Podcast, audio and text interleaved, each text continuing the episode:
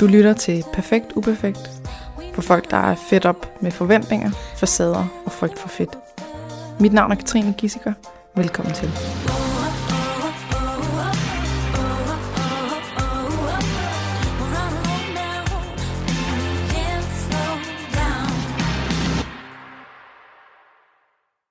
Velkommen til den her episode af Perfekt Uperfekt, som er øh, helt og aldeles anderledes fra alle de andre.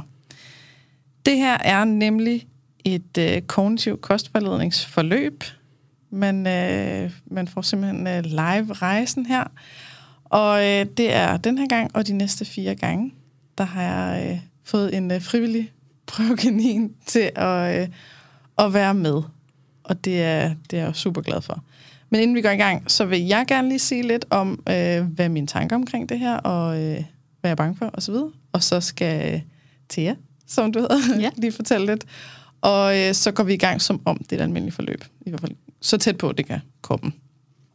Så først så vil jeg sige, at øh, jeg er pisse nervøs. Jeg sidder og sveder meget. Jeg er... Øh, øh, jeg tror måske, jeg har sådan en imposter syndrome af, at, åh oh gud, hvad, hvad vil folk tænke om det her? Nu bliver jeg vurderet på mine øh, faglige evner, øh, mine professionelle evner osv., og øh, jeg er ikke uddannet terapeut, jeg er ikke uddannet psykolog. Jeg har taget nogle kurser i kognitiv terapi og øh, lidt andet, men ellers har jeg en professionsbachelor i sundhed.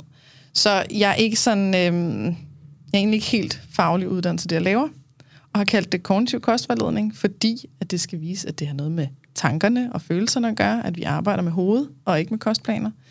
Det betyder ikke, at det er et kognitiv terapiforløb, skal jeg bare lige sige, sådan så vi har helt forventningsafstemt.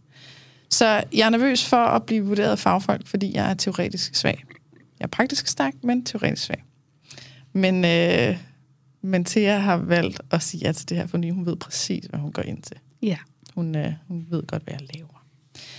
Så det, og formålet er selvfølgelig at øh, hjælpe nogle mennesker derude til at se, hvordan man kan arbejde med mad på en helt anden måde end øh, den traditionelle. Og forhåbentlig så er der nogen, der kan bruge det til noget. Og så, Thea, nu kan du fortælle lidt om, hvad, hvordan sidder du og har det? Er du lige så nervøs som mig? Ja, jeg er mega nervøs, mm. og jeg har, jeg har siddet i toget to og en halv time over, øhm, og har bare nærmest siddet der, tappet på lårene mm-hmm. af spænding. Øhm, jeg er selvfølgelig også lidt nervøs for at, at dele det, altså de her inderste tanker, det ligesom er forbundet med, og at der er skeletter i skabet, der kommer ud. Øh, men samtidig så har jeg også bare afgjort med mig selv, at de forsvinder jo ikke at jeg ikke lukker dem ud, så jeg kan lige så godt lukke dem ud. Øhm. Det bliver Og der er sikkert en masse, der vil sige, det er modigt. Ja. For det er det. Det er modigt at dele ud til nogen, man ikke helt ved, hvem er, af de inderste ting. Ja. Og så vil jeg sige, at vi sidder også et, øh, et andet sted, end jeg normalt gør. Jeg sidder ikke i mit øh, klientrum, jeg sidder i et mødelokale, vi sidder i et mødelokale, øh, på min kærestes arbejde med mikrofoner stukket op i hovedet. Det er lidt noget andet. Øh, og jeg kan ikke tegne. Det plejer også at gøre meget. Det vil jeg prøve på at lade være med, når nu vi er på lyd. Ja. Men øh, du har valgt at sige ja til det her. Øh, og har faktisk sådan for nylig også lige tænkt, hmm, øh, inden jeg skrev ud, at jeg måske overvejede at lave det her, så har du tænkt, at øh, du faktisk gerne vil begynde at dele ja. på Instagram. Ja. Så øh, der er en proces herhen, men det skal vi jo nok øh, finde mere ud af. Ja. Så vi er lidt nervøse, så tag, ja. tag nu pænt imod os, please. Ja, lidt det er faktisk og... rigtig sårbart, det her. Ja, og så jeg tror også, jeg har fulgt med hos Katrine i lang tid, fire år. Så jeg er faktisk også sådan en lille smule starstruck, og det føles sådan lidt som at møde et idol. Jamen, det er så mærkeligt. Oh, jeg Tænk en gang, at du når helt derud og rammer mennesker på den måde, ikke? Ja, det er mærkeligt. Men øh, det, jeg tænker, det bliver, det bliver nemmere og nemmere for hver gang, vi gør det. Ja, det håber jeg. Så vi prøver at lave et forløb så tæt på det almindelige, som det plejer. Øh, og der kan jeg sige, at det første, det hele går ud på, det er, at jeg skal have trukket så mange informationer ud af dig som muligt, øh, for at forstå, hvor du er henne, øh, og for at vi kan lave en form for fyrtårn ude i horisonten af en retning, vi gerne vil gå. Hvad er det, der er vigtigt for dig? Hvor er det, du gerne godt kunne tænke dig at komme hen? Og når vi så er igennem det, så slutter vi af med at finde ud af, hvor er det, vi skal starte med at tage fat. Og det kan være nogle ting, du skal prøve af derhjemme, det kan være nogle ting, du skal finde ud af, det kan være, det, der er jo ikke nogen forløb, der er ens, men uh, det plejer at være noget i den dur. Yes. Så nu er vi ved alle de her spørgsmål, hvor jeg skal trække info ud af dig, data. Så kan du prøve at starte med sådan de helt basic ting. Øh, du ved, alder, hvor du bor, øh, har du børn, øh, jeg lader som jeg ikke ved noget, ikke? Jo. Øhm, Jamen, ja. jeg er 34 år øh, og gift med, med min søde mand Laurits. Vi har to drenge, en på fire år og en på et år. Og så øh, er jeg folkeskolelærerstuderende. Og det har jeg været i lang tid, fordi jeg har haft lidt svært ved at finde ud af, hvilket ben jeg skulle stå på her i livet. Så, øh, så jeg startede på læreruddannelsen tilbage i 2009. Og så læste jeg der i tre år, og så døde min far.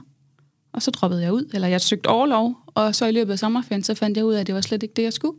Og så, øh, så startede jeg på en anden uddannelse, øh, hvor jeg tog sådan en, sådan en HG for studenter, sådan så jeg kunne komme ud og arbejde på kontor, fordi det kunne jeg egentlig godt tænke mig.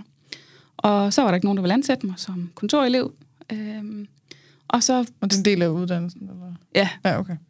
Ja, man skal sådan først have noget skoleforløb, og så skal man ud og være elev og ind og have nogle skoleforløb, og så til sidst så kommer man ud for eksempel med speciale i øh, offentlig administration mm. eller, eller, eller løn, altså sådan noget Ja. økonomi. Det er ved at være længe siden, og jeg har faktisk en lille smule svært ved helt at huske, hvordan det var strikket sammen, fordi Ja. ja. det blev jo ikke sådan. Nej.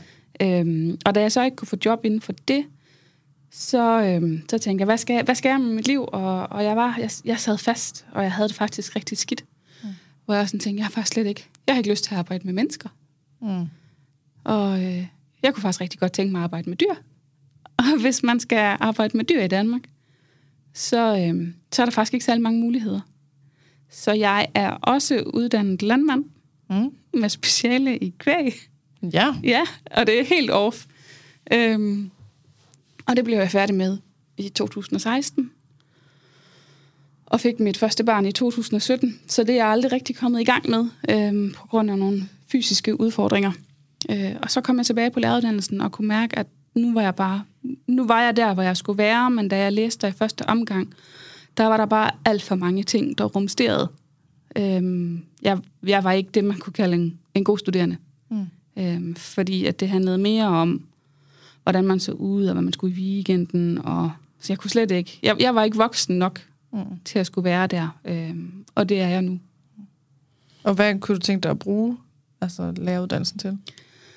Mm, altså, jeg synes jo, jeg har selv haft de her udfordringer med krop og mad og sådan noget. Det har nærmest fulgt mig hele mit liv. Så sådan, hvis jeg skulle vælge den drøm, der sådan var, var helt ude i horisonten, så var det jo på en eller anden måde at kunne hjælpe nogle, altså både børn og unge mennesker med at, at blive grebet i det her, før at det hele det ramler for dem. Øhm, jeg endte selv med at få bulimi, øh, fordi jeg ikke kunne være i min krop øh, allerede i 8. klasse.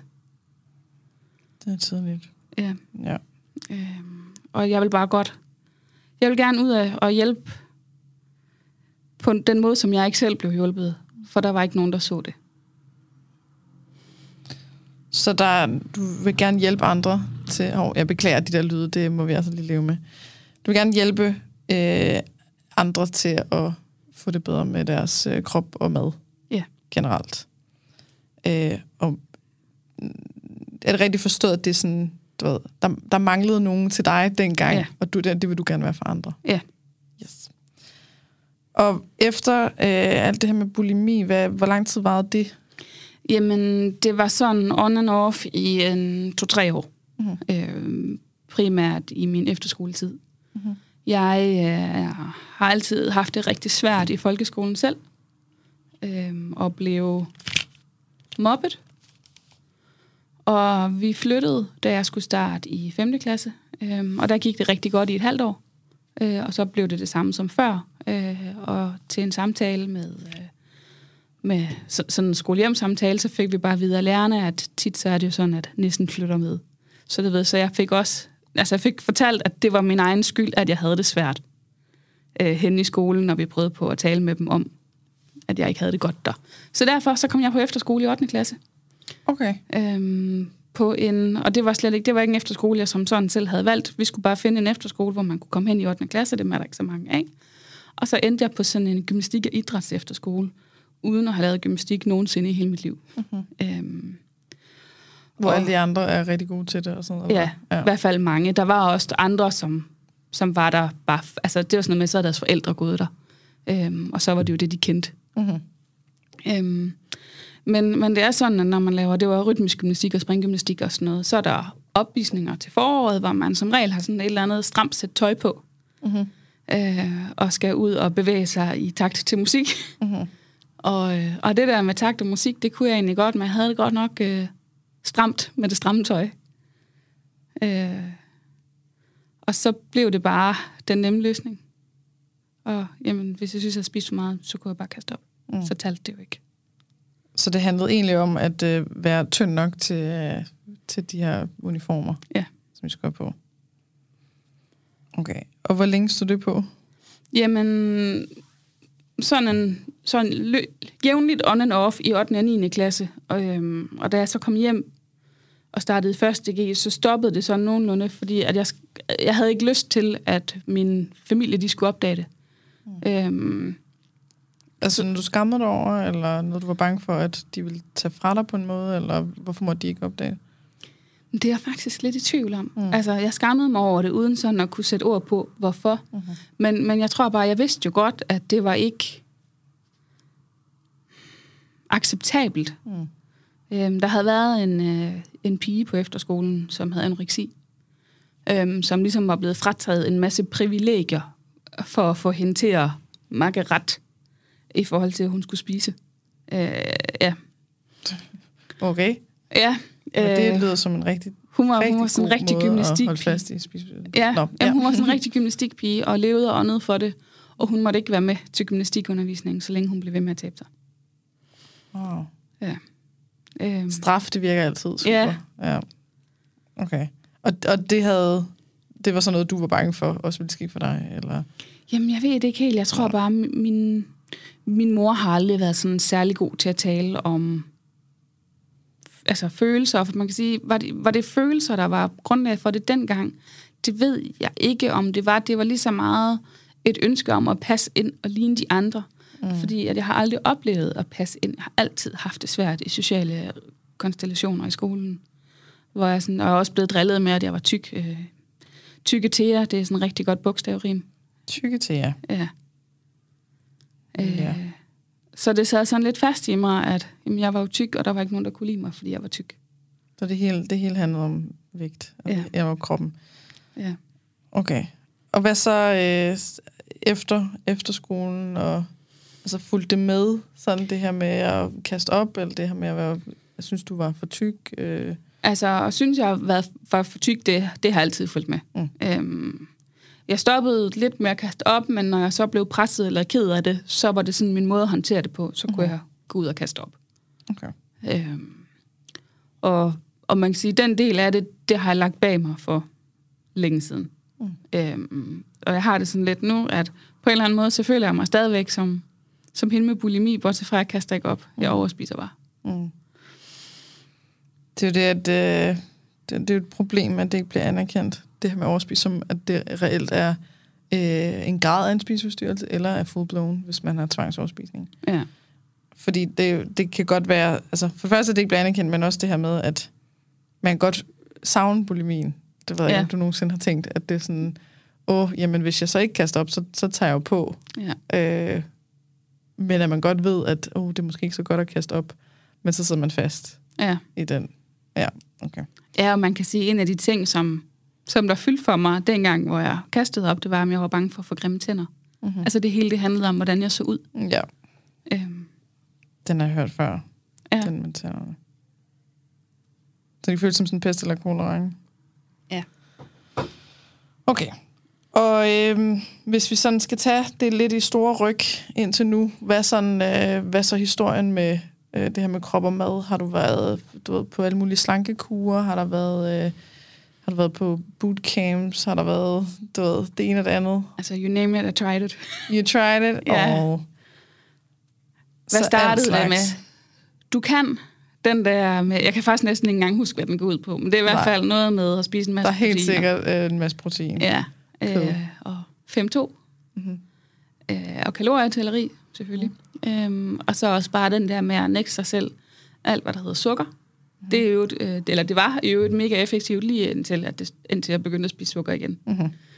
Øhm, så har jeg prøvet Sens, som jeg egentlig var ret glad for, bortset fra, at jeg tabte mig ikke. Mm. Øhm, og, og så blev det bare til mig, det der med, altså så var der jo bare stadigvæk en hel masse regler. Mm. Øhm, og, og så clashede det, fordi at, at jeg vil gerne, jeg vil godt hen til, at mad bare er mad. Mm-hmm. Øh, og ikke, at det er sådan, at der skal være bestemte mængder af de forskellige ting på tallerkenen. Øhm, jeg, kunne godt, øh, jeg kunne godt tænke mig at lave flere grøntsager. Og, øh, og jeg ved godt, det der med grøntsager, ikke? Altså, man kan jo ikke bare sige, jeg vil gerne spise flere grøntsager, så skal man sige, jeg vil godt spise flere gulerødder, eller, Mm. eller sådan noget, ikke? Men, men jeg gad godt at, at lære grøntsagerne bedre at kende, sådan så det bliver naturligt at vælge dem. Sådan så for eksempel, når man laver madplan, så i stedet for at sidde og sige, jamen, så skal vi have frikadeller, hvad skal vi have til frikadellerne? Så er det måske, om jeg har helt vildt meget lyst til smørstegt spidskål. Mm. Hvad skal vi have til det? Mm-hmm. Øhm, Så prøv at den der om ja, med grøntsagerne først. Ja. ja. Så nu er du faktisk allerede i gang med at, at øh, lave det her fyrtårn. Øh, du vil gerne hen til, at mad bare er mad. Og kan du sætte lidt flere ord på, hvad betyder det der med, at mad bare er mad? Jamen det er, at jeg for eksempel ikke om aftenen sidder og tænker igennem, hvad jeg har spist hele dagen. Mhm. Øhm, nu snakkede vi om, at, at jeg selv lige var begyndt at lægge op til at skulle dele det øh, på Instagram, og, og grunden til, at jeg fik oprettet den profil, det var faktisk, fordi jeg en dag sad og tænkte, jeg, havde, jeg sad og slog mig selv oven i hovedet, ej, nu har jeg igen ikke spist sådan, som jeg gerne ville. Hvor er jeg dum? Mm. Og så sad jeg og tænkte igennem, hvad har jeg egentlig spist? Og så havde jeg slet ikke spist noget af det, jeg sådan kategoriserede som forkert. Mhm. Og så alligevel så sad jeg og havde dårlig samvittighed over at have spist, og så tænkte jeg, sådan her skal det bare ikke være. Mm. Det, det her skal ikke være livet, og jeg skal ikke... Altså jeg plejer, jeg bruger rigtig meget, når jeg er færdig med at spise, så tænker jeg på, hvornår skal jeg spise igen? Mm. Og hvad skal jeg have at spise? Og hvordan sørger jeg i øvrigt for, at jeg ikke får for mange kalorier, når jeg spiser igen? Øhm, og jeg er bare, jeg er så træt af, at maden styrer mit liv. Fordi det gør den. Mm. Øhm, så, så mad, det skal... madfrihed. Ja, mad skal blive til det, der... Altså, i stedet for at leve for at spise, så vil jeg gerne spise for at leve. Og inden vi optog, så nævnte du også noget omkring, øh, der er stadig et ønske om vægttab, men det, der er sat en pind i, i forhold til, at, at det skal være sekundært. Ja. Det er det vigtigste, det er det her med at få ro på maden, og så at der forhåbentlig øh, ryger nogle kilo naturligt, men uden det er noget, hvor du skal fokusere på det, og have du ved, slankekur og regler og alt det her. Ja. Og det har også været en proces. Nej, hvor er det svært at, at sætte en pind i det. Øh, og så ja. sige, det er ikke lige nu. Nej. Også altså, fordi jeg føler egentlig, altså fordi jeg altid har været utilfreds med min krop, og udover at da jeg har været gravid, så er jeg større end nu. End, altså, det her det er mit største som værende ikke gravid. Øhm, og det er svært at hvile i. Ja. Ja. Men, men samtidig... Ja, og så samtidig så har jeg også bare brug for, og, og det tror jeg også er en af grundene til, at jeg godt vil være med i det her, det er, at jeg er faktisk lidt træt af, for eksempel min mor, hun har altid været lidt slem til at vurdere min krop. Øhm, og forleden så sagde jeg til hende, at lige nu prøver jeg ikke på at tabe mig, og jeg har ikke brug for, øh, at der bliver kigget på mig, eller sagt noget, eller sådan noget. Fordi at hun faktisk er en af dem, jeg har allersværest ved at være i mig selv sammen med. Okay. Øhm, fordi at, at jeg føler, at hun har bedømt mig altid. Og, og det har været ud fra, at hun, da jeg var barn, nok har haft den størrelse, jeg har nu, øhm, og været lidt ked af det. Øh, så hun har ønsket for mig, at mit liv skulle være anderledes. Ja. Men, men det har bare ikke altid lige været sådan den helt mest hensigtsmæssige måde, det sådan er blevet formidlet på. Nej, så det er den klassiske logik af, at mit barn er ked af det, fordi mit barn føler sig tyk, ergo skal hjælpe med at tabe, Ja. s- tabe sig, tabe dig. Jeg ved ikke, hvad det hedder. Hjælp med, at uh, mit barn bliver tyndere, sådan så mit barn bliver glad. Ja. Og det, ideen er god, eller sådan, uh, Ja, både, mit barn har eksem, det klør, øh, nu køber jeg en creme, der får eksem væk. Det giver mening. Problemet er jo bare, at det kan sk- skabe meget større problemer, end Ja. hvad man egentlig løser. Fordi man så føler, altså holder fast i, at ja, man så er forkert, ikke? jo. At hvis mor også siger, at jeg skal tabe mig, så er det jo, så er det jo Ja. forkert at være tyk. Jamen lige præcis, og det eskalerede helt vildt for jamen hvad har det været? Er det ved at være 10 år siden, eller sådan noget? Måske lidt mere. Hvor jeg vejede 20 kilo mindre, end jeg vejer nu. Mm. Så siger hun, du får 1000 kroner, hvis du taber dig 5 kilo. Ja. Og jeg var studerende på SU. Ja. Ja. 1000 kroner luner. Og så stoppede jeg. Jeg skar alt ud af min kost, der hed sukker. Jeg tillod mig selv en kop varm kakao om aftenen. Altså dem, der man blander op med vand. Øh, og den nød jeg også rigtig meget. Øhm, og så tabte jeg mig 5 kilo på mellem september og jul eller sådan noget. Og, øh, og så havde jeg jo tabt mig, og så havde jeg fået 1000 kroner, og så begyndte jeg at spise sukker igen.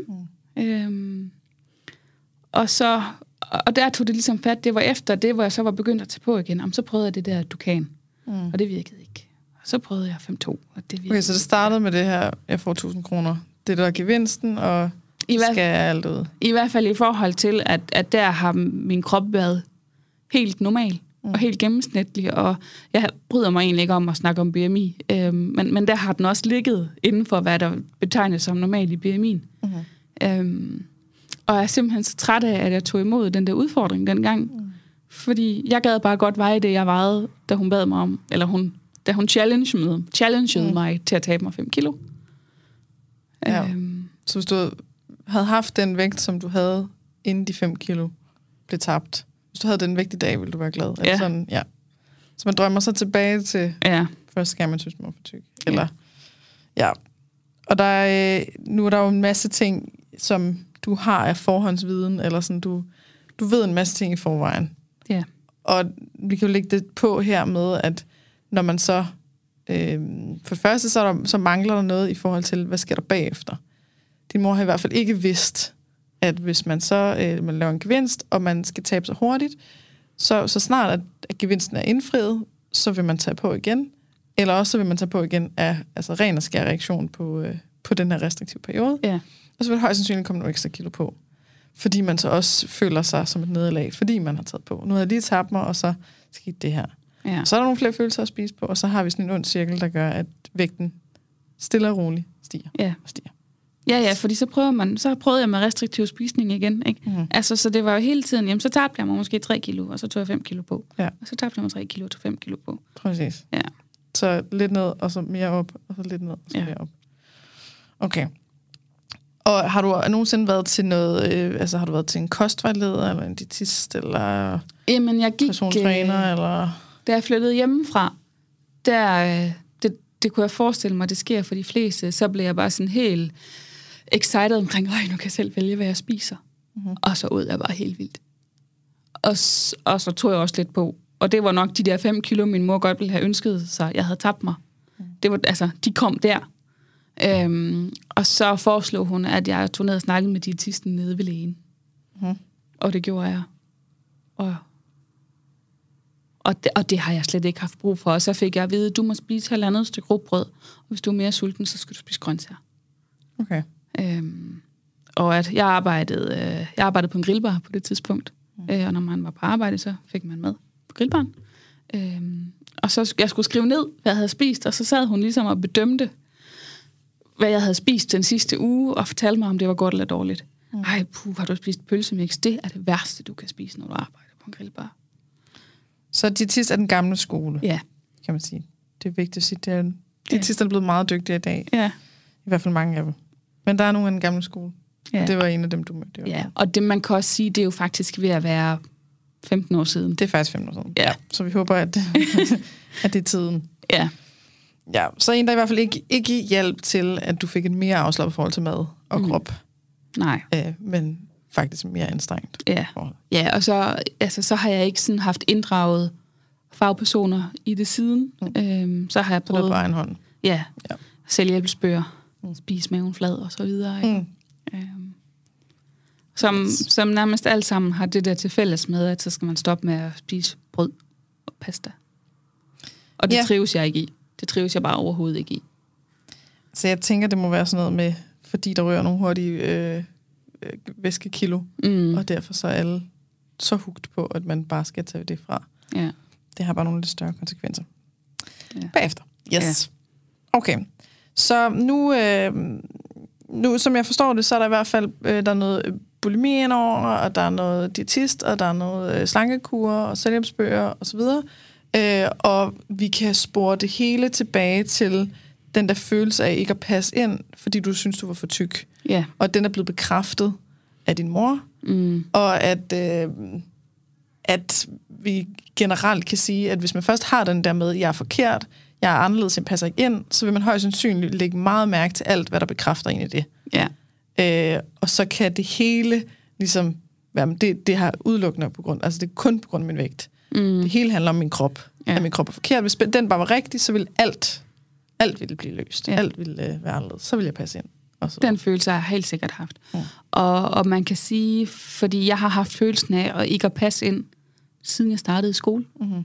Øhm, og der var jeg ikke overvægtig. Mm. Øhm, jeg har nok et lidt sensitivt, sensitivt temperament, mm. øh, og er nemt faret op.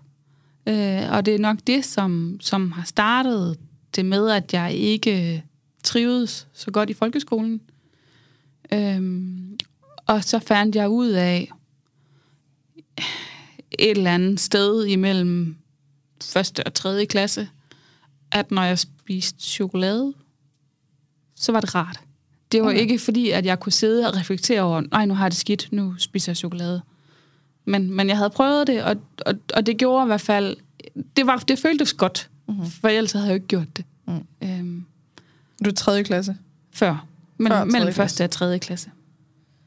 Yes. Så du har øh, felt the magic of Ja. chocolate meget, meget tidligt. Ja. Jo tidligere det sker, jo sværere er det at, øh, at ændre på. ja. Så, Ja. er der, øh, så er der virkelig meget magi. i. Ja. Jeg synes faktisk, det var så magisk, at, øh, at jeg har taget penge fra min mors punkt mm. for at gå ned og købe chokolade. Ja. Det har skammet mig rigtig meget over. Jeg har faktisk aldrig fortalt hende det. Øh, Nej, jeg fortalte det til min søster i weekenden. Ja. Øh, sådan, inden jeg skulle herover, jeg tænkte nogle af de der ting, som jeg var bange for at fortælle om. Jeg var nødt til at fortælle det til nogen, fordi så blev det lettere at, at så dele det her. ja. Altså, der er mange, der fortæller, at de har øh, stjålet slikken. Ja. Øh, så det vil, ja. Øh, Det er slet ikke usædvanligt. Det er, det er helt normalt. Ja. Øhm, og jeg, nu har jeg lige læst øh, den bog, der hedder... Det her det bliver overhovedet ikke ligesom en administration. Nå. Men øh, den øh, Leonora Christine Skov, Christina Skov øh, har skrevet en bog, der hedder øh, Den, der lever stille. Og hun fortæller om, hvordan hendes forældre bare har været mega nazi omkring at kontrollere hendes økonomi. Og hun ville bare så gerne, hun havde prøvet en dag at smage kris, og det var det mest himmelske nogensinde. Men hun måtte ikke få det derhjemme, og øh, faren vidste præcis, hvor mange penge hun havde. Og så hun købte en eller anden blad, og manglede 5 kroner til en busbillet, og så var det sådan noget, du ved, hvad har du så brugt de sidste 3 kroner på? Og hun havde købt en lakrids for de der 3 kroner. Eller sådan, du ved, Ja. Det der med, at der bare, ja, det bliver så, så magisk, og så mm. koste hvad det vil at skaffe det. Ja. Ja. Hjemme Okay. ved os, der var det Nutella, der var øh. Nutella. Ja, vi købte et glas Nutella om året, det var, når jeg havde fødselsdag. Okay. Og det gør næsten ud fra, at du så har, øh, har haft det, altså, Og jeg så er det gjort- svært med siden. Ja, At der er noget, jeg, kan, var jeg har i hvert fald haft rigtig svært ved at styre det, ikke? Mhm. efter jeg selv kunne vælge. Det er blevet bedre nu, øh, inden for de sidste par år, hvor jeg bare har givet slip. Ja. Jeg har aldrig sådan siddet og spist det med en ske, fordi jeg var vant til, at der var ikke så meget, så det galt om at få så mange mad og så muligt mm-hmm. ud af det. Og jeg kan stadigvæk have det lidt stramt med, når min mand Laurits, når han smører en Nutella-mad, så putter han bare virkelig meget Nutella på, mm-hmm. og jeg sidder bare sådan helt, jamen, Panik. jamen altså, hvordan kan du putte så meget på? Så er der jo ikke særlig meget i glasset længere, og så holder mm-hmm. det ikke særlig længe, og det er simpelthen så tåbeligt, fordi vi køber det jo bare selv. Ikke? Ja, men den rationelle del og den følelsesmæssige del, de, det er to forskellige sprog, og de ja. taler ikke sammen. De forstår ikke hinanden. Øh, så ja, jeg skriver bare lige ned her. Ja. Hvorfor putte så meget på? Ja. Okay. Jeg kan godt mærke, at jeg er lidt udfordret i, at øh, du ved, om du er min klient, eller om du er min podcastgæst. Ja. Øh, Jeg ved ikke, om du kan mærke det på mig, men øh, jeg, jeg vil bare lige sige, at jeg kæmper lige nu. Jeg skal nok prøve at blive lidt bedre. Nå, Det kan øhm, også være, at jeg snakker lidt for meget ud. Nej, det er det, okay. føles, Det er det er helt jeg er okay. god til at glemme, at mikrofonerne de er på. Om det er godt. Ja. Det er godt, ja. Øhm, ja, men jeg kunne, jeg kunne rigtig godt tænke mig at komme lidt frem til nutiden i forhold til, eller i hvert fald de seneste sådan, fem år. Hvad er det for nogle øhm, problematikker, som øh, du ser i forhold til mad? Øhm, er der nogle mønstre, du selv kan se? Er der noget, hvor du ser, uh, det er helt klart om aftenen, eller det er helt klart de her følelser, eller det er helt klart, øh, når jeg synes jeg for eksempel ikke må få sukker, at det så sker. Eller altså, øh, hvordan ser det ud sådan nu og de sidste fem år? Jamen altså, jeg har helt tydeligt og klart krise sådan efter klokken 15 om eftermiddagen. Mm. Øhm, som, og der har jeg hentet børn, og nu den store, han er blevet så stor, at nu kan man ikke bare gå og spise det, uden han opdager det. Så mm-hmm. siger han, hvad spiser du mor? Og man står der med munden fuld og siger, ikke noget. Mm. Øhm, så, så det har jeg sådan skruet lidt ned for det om eftermiddagen. Men så, når ungerne de sover, mm-hmm. så skal jeg ned og sidde i sofaen, og så skal jeg se fjernsyn, og så skal jeg have noget lækkert, fordi det har bare rigtig fortjent, synes jeg. Yes. Og, øh, og jeg har prøvet at spise æbler. Og det er ikke det, jeg synes, jeg har fortjent. Nej. Der kan man sige, at øh, æbler og øh, chokolade har heller ikke samme magi. Nej. Der, er ikke, der sker ikke det samme i hjernen i forhold til glædeshormoner. Nej. Så øh, et æble er, kan være sjovt som en grøntsag, og det er røvsygt som chokolade. Præcis. Ja. Og dem, der siger, at man bare skal putte peanut butter på, det er altså heller ikke det samme som chokolade. Nej. Men det hjælper det lidt, det, fordi det har jeg også ja. prøvet. Men, men det er bare ikke det samme. Nej. Det smager godt, hvis det er det, man har lyst til. Okay, så der, der er, noget, der er en, et mønster i, at det er om eftermiddagen, men så er der et tidspunkt, hvor du så vælger at lade være med at gøre det her om eftermiddagen for, på grund af din søn, og så om aftenen, så, så kommer der en kæmpe øh, sukkertrang, øh, lyst til at spise, og noget med, at det har du fortjent. Ja. Er det sådan noget med, at det har været en hård dag, eller puh, nu har jeg brug for at koble fra, eller... Jamen sådan lidt, altså begge dele, mm-hmm. fordi jeg synes, altså vores, vores yngste, som, som lige er blevet et år, han sover bare rigtig dårligt. Mm. Øhm, så, så jeg har stort set ikke fået noget sammenhæng, sammenhængende søvn i et år, Nej. så jeg er træt, øh, sådan helt ind i knoglerne. Øh, så der om aftenen, når vi er færdige med at putte børn, så er jeg nok i virkeligheden så træt, at det vil være fordelagtigt at gå i seng. Mm. Men jeg trænger til at slappe af. Mm. Øhm. Man slapper ikke af, når man sover. Nej. Det skal vi huske på. Ja, man sover. Så sover man. Ja. man registrerer det jo ikke selv. Præcis. Man er væk. Ja. Og så tror jeg også, men jeg er bare så træt, at jeg har brug for at få det der boost mm-hmm. af energi, fordi at, at jeg i virkeligheden hellere nok skulle sove. Øhm. Men fordi jeg kan sagtens sidde, jeg kan godt stå over ved skuffen, vi har den skuffe, og så tænke, puh, jeg er godt nok midt. Mm. Men jeg skal jo lige, jeg har jo, jeg er jo træt, og jeg har fortjent det, og han var også lige lidt træls at putte i dag, den lille, og... Mm. Okay. Så, altså, så meget af det der om aftenen, det er tit en dårlig, altså, en dårlig vane, har jeg tænkt. Ja. Øhm, ja. Og Se, det ord, det, det er jo altid en, uh, en uh, trigger for mig, at jeg ja. tænker, åh, oh, der er lige noget, vi skal kigge på, fordi hvis vi ser det som en dårlig vane, så bliver det meget let at undervurdere, hvad, hvad det her aftenspiseri gør for dig. Ja. Så den skal vi bare lige, men vi skal ja. nok vende tilbage. Ja. Ja, og så tror jeg, så har jeg også, hvis jeg er overvældet, mm. så, så er det også det, jeg falder i. Mm. Øhm, altså især ked af det og vrede. Øhm, det ved jeg ikke, hvordan jeg skal håndtere. Mm-hmm. Og så prøver jeg på at spise det væk. Og det får hverken kederligheden eller vreden til at gå væk. Og så er det som om, at det bare bliver puttet ind i sådan et rum nede i maven, og ikke går væk. Ja. Altså. Så nogle af de store følelser, de kan godt øh, kan skabe noget, sådan, noget, noget magtesløshed, noget armmagt, at man ikke ja. helt ved, og hvad fanden skal jeg gøre, og så er maden en flugt, fordi huh, det kan lige gå ind og dulme. Ja, lige præcis. Alright. Og øh, sådan, har det, er det gået sådan op og ned her, øh, siden du fik børn? Er det, er, det sådan, er det sådan noget, der sker i perioder? Eller er det fast hver aften? Eller er, det, er der nogle ting, der ligesom spiller ind på det? Mm, jeg tror faktisk, jeg vil sige, at det sådan sker i perioder. Altså, dog er de perioder, hvor jeg gør det længere end dem, hvor jeg ikke gør det. Mm-hmm. Øhm, men, men jeg kan godt have perioder, hvor jeg sådan tænker, ej, nu har jeg faktisk slet ikke spist noget om aftenen. Og så bliver jeg helt stolt. Mm-hmm. Og så bliver jeg bagefter lidt træt af at blive stolt over det. Ikke? Fordi at, så har det jo igen fået for meget magi og magt. Mm-hmm.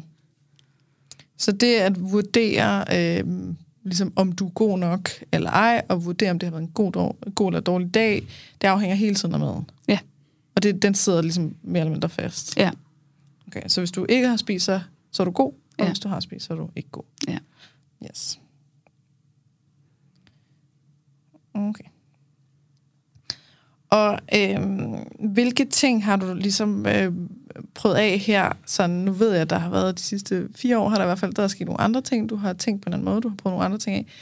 Hvad for nogle ting har du prøvet, som ikke har handlet om det her med at øh, enten tælle kalorier, eller øh, køre en eller anden plan, have nogle regler, så må jeg ikke spise sukker osv.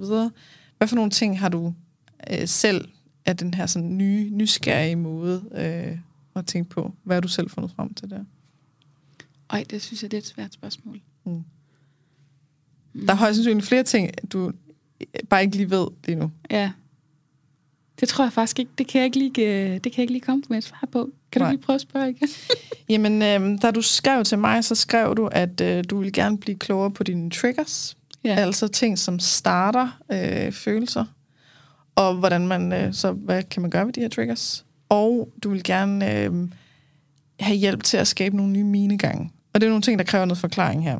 Øhm, så minegangen handler altså om, at vi forestiller os, at vi er neden under jorden, hvor at man øh, heroppe på landjorden, der kan man gå alle retninger, fordi det er bare luft.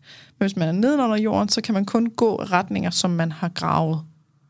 Og når der er gravet øh, en minegang hen til maden, så betyder det, at når der er følelser på spil, så har vi kun den vej at gå. Så kan vi kun ligesom gå hen til maden. Der er ikke andre. Det er ligegyldigt, hvor meget man siger sig selv, Ej, du skal ikke gå den vej. Det, du ved, det er den eneste vej, du ikke må tage. Jamen, der er ikke andre. Øhm, og hvis man så skal forsøge at have nogle andre handlingsmuligheder, så handler det om at få gravet nogle nye gange, sådan så at man står med, og rent faktisk har valg. Så okay, jeg kan mærke det her, vil jeg gøre det her, eller det her, eller en blanding. Men for at du kan nå til at tænke i triggers om mine gange, så er der nødt til at have været nogle ting, der er sket inden. Ja. Og kan du, kan du fortælle lidt om, hvad har fanget dig? Der må være et eller andet, du har tænkt, altså, jeg har aldrig nogensinde prædiket øh, kalorietælling. Jeg har aldrig prædiket slankekur. Så der må være noget, der har fanget dig i det her, jeg har lavet. Jamen, det har jo været det der med at... Altså, det der med, at du er god nok, som du er. Mm-hmm. Øhm, der har jeg sådan en fin postkort hængende hjemme på mit spejl, der fortæller mm-hmm. mig hver dag. Øhm, og at fordi at jeg er træt af og ikke at føle mig god nok. Mm-hmm. Og jeg kan sådan blive ved med at føre det tilbage til det her med maden og kroppen. At, at det er det, der gør, at jeg ikke føler mig god nok. Og så tror jeg også, så har jeg prøvet at kompensere med, altså, okay, så ser min krop ikke ud, som jeg vil, men så vil jeg i hvert fald virkelig gerne have flotte karakterer på mit studie. Mm-hmm. Øhm, fordi... Så på at rykke over til noget andet ja. udefra, der skal give værdi. Ja. Eller præstationer, der skal give værdi. Ja. Mm-hmm. Mm. Og så synes jeg, altså, og så, altså det her med, nu snakker du om triggers mm. og mine gange, altså jeg har faktisk ikke, altså jeg har ikke et forslag på, hvad en anden, hvor en anden minigang kunne føre hen. Mm. Altså, hvad, hvad kan jeg gøre i stedet for? Jeg aner det virkelig ikke. Nej. Øhm, så har jeg prøvet sådan noget med, ah, hvis jeg har lyst til at tage ned og spise om aftenen, så skal jeg gå en tur. Mm-hmm. Men så bliver det til sådan en eller anden slags regel, ja. i stedet for, og det er overhovedet ikke attraktivt. Nej. At skulle ud og gå en tur, når det man drømmer om er at sidde og spise marabu. Nej. Øhm. Men det er også din... Øh, ja. Det er faktisk en rimelig stor del af misforståelsen i øh, det her med at arbejde med følelsesmæssig spisning. Det er for det første, at man tænker, hvad kan jeg gøre i stedet for? Hvis du, hvis du tænker det, så tænker du også, at jeg ikke må spise. Mm. Fordi jeg skal gøre noget andet. Ergo er det at spise forbudt, ikke? Ja. Så når, når først man har tænkt, at der er noget, man ikke skal gøre, så er der kun den vej at gå. Samtidig med, at, øh, at hvis vi ikke helt forstår, hvor, hvad er det for en behov, der ligger, hvad er det for nogle ting, så kan man godt komme til at udskifte med ting, der er noget helt andet. Altså det er, det er lidt ligesom at udskifte øh, chokoladen med æbler. Mm. Og tænke, nå, men der er færre kalorier i æbler. Ja, men det er to vidt forskellige ting. Altså det gør to vidt forskellige ting, ikke? Jo. Øhm, så det skal, vi nok, det skal vi nok nå til at arbejde med. Men det er mere sådan det her, den her for, forhistorie, at, øhm, at du overhovedet er nået til noget med mine gange. Altså det er, det er fremmed for de fleste mennesker, øh, der ikke lige har du ved, læst min bog. Eller sådan, ja, jeg, ikke? jeg kan anbefale dem. Jeg har købt den som lydbog. Det, ja, øh, Jamen, tak. har været meget givende. det, øhm, men der må være noget i, hvad har fået dig til at øh, tænke, at den bog var interessant? Jamen, det er fordi, jeg kan mærke, at det er den vej, jeg skal. Mm-hmm. Jeg, øh, det andet virker jo ikke. Okay. Jeg har, jeg har jo været træt af min krop, altid føles det som om. Mm. Og alt, hvad jeg har prøvet, det har i hvert fald ikke gjort mig mindre træt af den. Mm. Øhm, og så kan man sige, at selv de gange, hvor jeg så måske har haft tabt mig, så har jeg jo stadigvæk ikke synes, den har været god nok. Mm. Og jeg vil godt give den fred. Altså ikke på den der måde, som at den skal aflives fred, vel? vel. men, men, men jeg vil godt være bedre til at anerkende den for det, den kan. Mm. Øh, I stedet for at, at være skuffet over det, den ikke kan.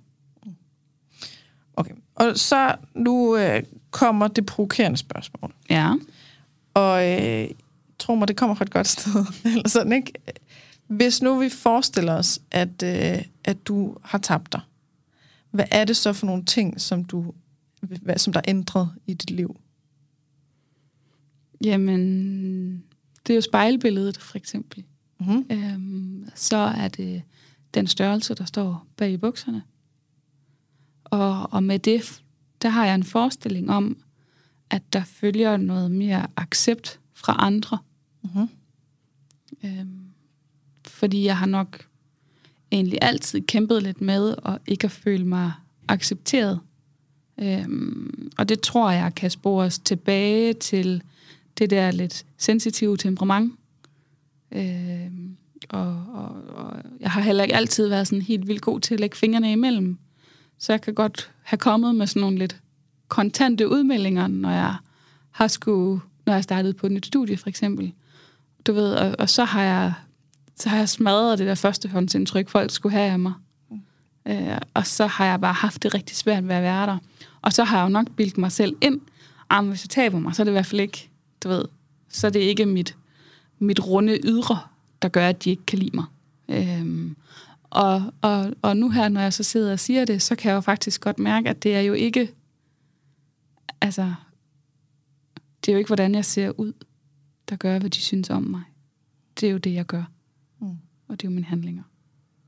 Det er den rationelle sans. Ja. Det kan vi, det kan vi fortælle os selv til evig tid, at ja. det, det er fuldstændig lige meget, hvad jeg vejer. Men følelsesmæssigt vil sige, ah, den er god med dig, du, ikke? Jo.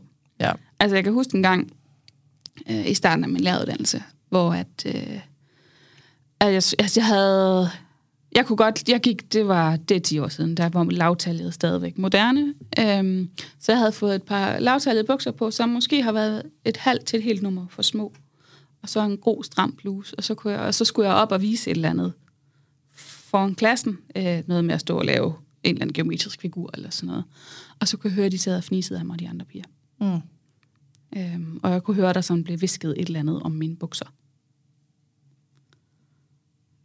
Og det er også derfor, at det nok har, altså, at det har jo også lært sig i, jamen det handler også om, hvordan jeg ser ud. Mm.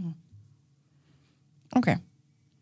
Så er det også sådan, øh, nu nævnte du det med spejlbilledet, er det også sådan at, at føle dig godt tilpas, uh, kunne lide, uh, altså sådan kunne, kunne lide dig selv, alle de her ting? Ja. Så det er ting, som vi egentlig, hvis vi tænker rationelt, så kan vi måske godt nå hen til, at det nok egentlig ikke er altafgørende med et vægttab. Ja. Men at det følelsesmæssigt, så føles det som om, at det er det eneste.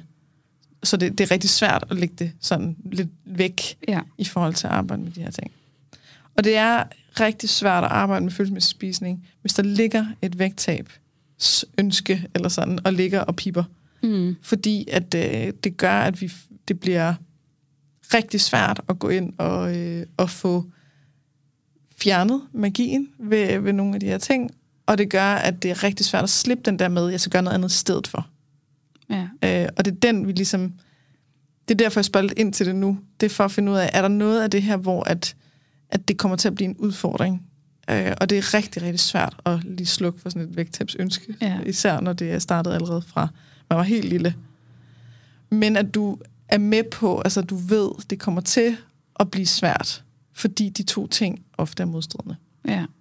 Og så kan det sagtens være, at man øh, du ved, øh, kan, kan, godt kan lægge det til side, og man så kan arbejde mere sådan øh, trygt, eller sådan, at, at der ikke er noget til at forstyrre med de her ting, og så at det øh, giver et, øh, et vægttab, som er en bivirkning, eller sådan. Men så længe det ligger som sådan en, okay, men vi gør det her, for at vi får bivirkningen, ja. så plejer det ikke at virke. Nej. Så det, det er bare så, du ved, at der er, der er nogle ting, som kommer til at gøre det her svært. Ja. Øhm, og det jeg tænker jeg, det, det vidste du nok godt i forvejen. Ja, og jeg tror, Det og, og det er jo også derfor, jeg er nået lidt frem til erkendelsen af, at det her, det kommer jeg ikke i mål med selv. Nej. Øhm, Yes. men altså, jeg har, jeg har ikke vejet mig siden starten af december. Mm-hmm. Mm-hmm, og det har besluttet mig for, det vil jeg ikke. Jeg har faktisk overvejet at smide den ud. Mm. Øhm, lige nu er den bare løbet tør for batterier. Jeg havde lige sådan et tilbagefald i januar, og jeg tænkte, ej, jeg er nødt til lige at se, hvordan det gik i julen. Mm. Og så duede den ikke. Og det tror jeg, det var meget heldigt. Altså, det var, altså, både fordi, at jeg måske nok var blevet lidt ked af, hvad der havde stået på den, men også fordi, jeg har besluttet mig for, at jeg vil ikke veje mig. Øhm, fordi det der tal, det siger jo i virkeligheden ikke noget om, hvem jeg er. Okay. Så du, kan, du har ligesom allerede øh, spottet, at der er nogle mønstre i det her. Og hvad sådan, hvad er dine umiddelbare tanker i forhold til, øh, jeg gad godt, at min dag så sådan her ud generelt? Så skal jeg nok øh, spørge ind til det andet bagefter. Eller til Ja. det yderligere. Øhm, altså, så, så hvordan jeg godt kunne tænke mig, min dag så ud. Jeg kunne godt tænke mig at have noget mere energi mm-hmm. i det hele taget. Øhm, så kunne jeg godt tænke mig, at jamen, øh, altså, når jeg bliver sulten, og nu, så, så, nu sidder jeg lidt fast igen, at så vil jeg godt have det de rigtige ting, jeg spiser. Mm-hmm. Det er det, jeg leder efter. Ja. Jeg leder efter, hvad for nogle ting øh, arbejder ikke sammen med, hvad for nogle ting er fra øh, den gamle del, og hvad ja. for nogle ting er fra den nye del, i forhold til, jeg vil gerne spise korrekt, den passer ikke helt sammen med, mm-hmm. jeg vil gerne have et øh, afslappet forhold til mad, for de to ja. Ting er ofte modstridende. Ikke? Jo. Men derfor skal vi, så skal vi stadig have det, have det på, så ja. Vi kan se, at det er modstridende. Ja. Og så kan vi finde ud af, hvad er det, der egentlig er vigtigst for dig. Ikke? Så du vil gerne have mere energi, og du vil gerne spise de rigtige ting. ja. Jeg skal bare altså, rigtige jamen, her. ja. I, øh, Jamen, jeg tror, det er det der med, at jeg gad godt, at jeg kunne slukke, ikke slukke, men dæmpe sukkertrangen mm. med noget, der ikke var så kalorietæt som chokolade. Mm. Øhm, jeg øver mig rigtig meget i at mærke, hvornår jeg er mæt, og så stoppe med at spise, når jeg er mæt. Øhm, og jeg sidder bare stadigvæk lidt fast i at spise videre, fordi det smager godt. Ja. Og oplever du, at når du øh, bliver overmæt, at der så starter en masse tanker? Ja, Hmm. Så det er en trigger. ja. Ja. Det er det for de fleste. Jeg har faktisk nærmest aldrig oplevet nogen, hvor det ikke er. Og en trigger, det er altså noget, der starter noget andet. Altså at, øh, at det at mærke den fysiske fornemmelse, i det her tilfælde overmæthed, det kan starte tanker om, for eksempel, så har jeg øh, gjort noget forkert, fordi det må man ikke være, øh, så har jeg spist for meget, så, øh, så bliver jeg tyk, så altså, du ved, der kan være den her slags tanker, som kan starte nogle følelser af for eksempel angst, åh oh, nej, øh, så er der ingen, der kan lide mig, åh oh, nej, så, øh, så passer endnu mindre ind, så bliver jeg ensom, hvad det nu kan være. Øh, og det kan starte nogle nye tanker i sig selv, det her med at sige, okay, nå, men så, så må jeg rette op på det. Og der er forskellige måder at rette op på det, hvis det er den traditionelle tanke, ikke? At sige, okay, det ene det er at kaste op, mm. det andet det er at tage afføringsmiddel. Det tredje er at uh, lave en plan for, at i morgen, der må jeg ikke spise særlig meget, eller i morgen, der skal jeg spise ekstra mange grøntsager, eller i morgen, der skal jeg træne dobbelt så meget. Whatever, et eller andet. Noget, der ligesom skal gå ind og sige, uha, du lavede en fejl, nu skal du rette op på den fejl. Ja. Og det har det med at øh, starte nye reaktioner, som så ender med, at, at overspisningen bare bliver ved. Så øhm, der kan være tanker, der starter, der kan være følelser, der starter, og kropsfornemmelser. Altså, at, øh, hvad er det, du mærker i kroppen? Du kan få endnu mere ondt i maven af, at der er startet noget angst, af at du synes, det er forkert, at du har spist for meget, som gør, at du tænker, at du er endnu mere overmæt. Ja. Altså, at det, det er på grund af, at jeg, altså, jeg har ondt i maven, fordi jeg har spist for meget. Ergo, så forstærker tankerne og så Ja. videre. Ikke? Det, er, det er kompliceret, og det, de spiller alle sammen ind på hinanden. Og når vi forstår, at der er både tanker og følelser og øh, kropsfornemmelser af de her fysiske ting, vi mærker, når vi forstår, at alt det har øh, indflydelse på vores adfærd, altså hvad vi gør, så kan vi forhåbentlig stoppe med at undervurdere, hvor svært det her er. Ja. Altså, det svarer lidt til at sige, nå, men så bare lad være med at ja. Ja. tænke og mærke og føle det her. Nå ja, ja, det ja. Gør jeg ikke. Så det er, det er enormt kompliceret, og den adfærd, vi så ønsker, jamen, der er vi nødt til at tænke den ind i det her større billede. Så nu, der er nogle ting, der, der handler om sådan øh, noget traditionelt, eller hvad man skal kalde det. Du vil gerne spise de rigtige ting. Ja. Du vil gerne øh, stoppe, når du, øh, når du er mæt. Øhm, du vil gerne have energi. Og du vil gerne slukke din sukkertrang med noget andet end chokolade. Ja. Øhm, er der noget sådan i forhold til din, din hverdag, at du gad godt, at vil du helst, at du ikke spiser noget om aftenen? Vil du helst, at du spiser noget andet om aftenen? Vil du helst, at du, det var en eller anden kombination af chokolade og noget andet, så det var en mindre mængde? Eller altså sådan, hvordan vil de der, det lyder som aftenerne, at det er dem, der øh, starter flest følelser. Ja. Jamen, jeg tror, altså, i virkeligheden, så har jeg jo nok drømt om at ikke at spise om aftenen. Også fordi jeg kan jo tydeligvis godt mærke, at jeg ikke er sulten. Mm-hmm. Okay. Og, og i forhold til det der med, du ved, hvis mad bare skal være mad, jamen, så bruger man mad til at, at mætte sulten. Mhm. Men du ved, når man så ikke er sulten. Ja. Okay. Og øhm, hvor meget af de her, altså mere energi, øh, spis de rigtige ting, når du er sulten, dem sukkertrang med noget andet end chokolade, stop med at spise, når du er mæt, ikke spise noget om aftenen. Hvor meget af det, tænker du, er sådan noget øh, gammeldags vægttabstanke noget, og hvor meget af det, tænker du, er, hvor du gerne vil hen?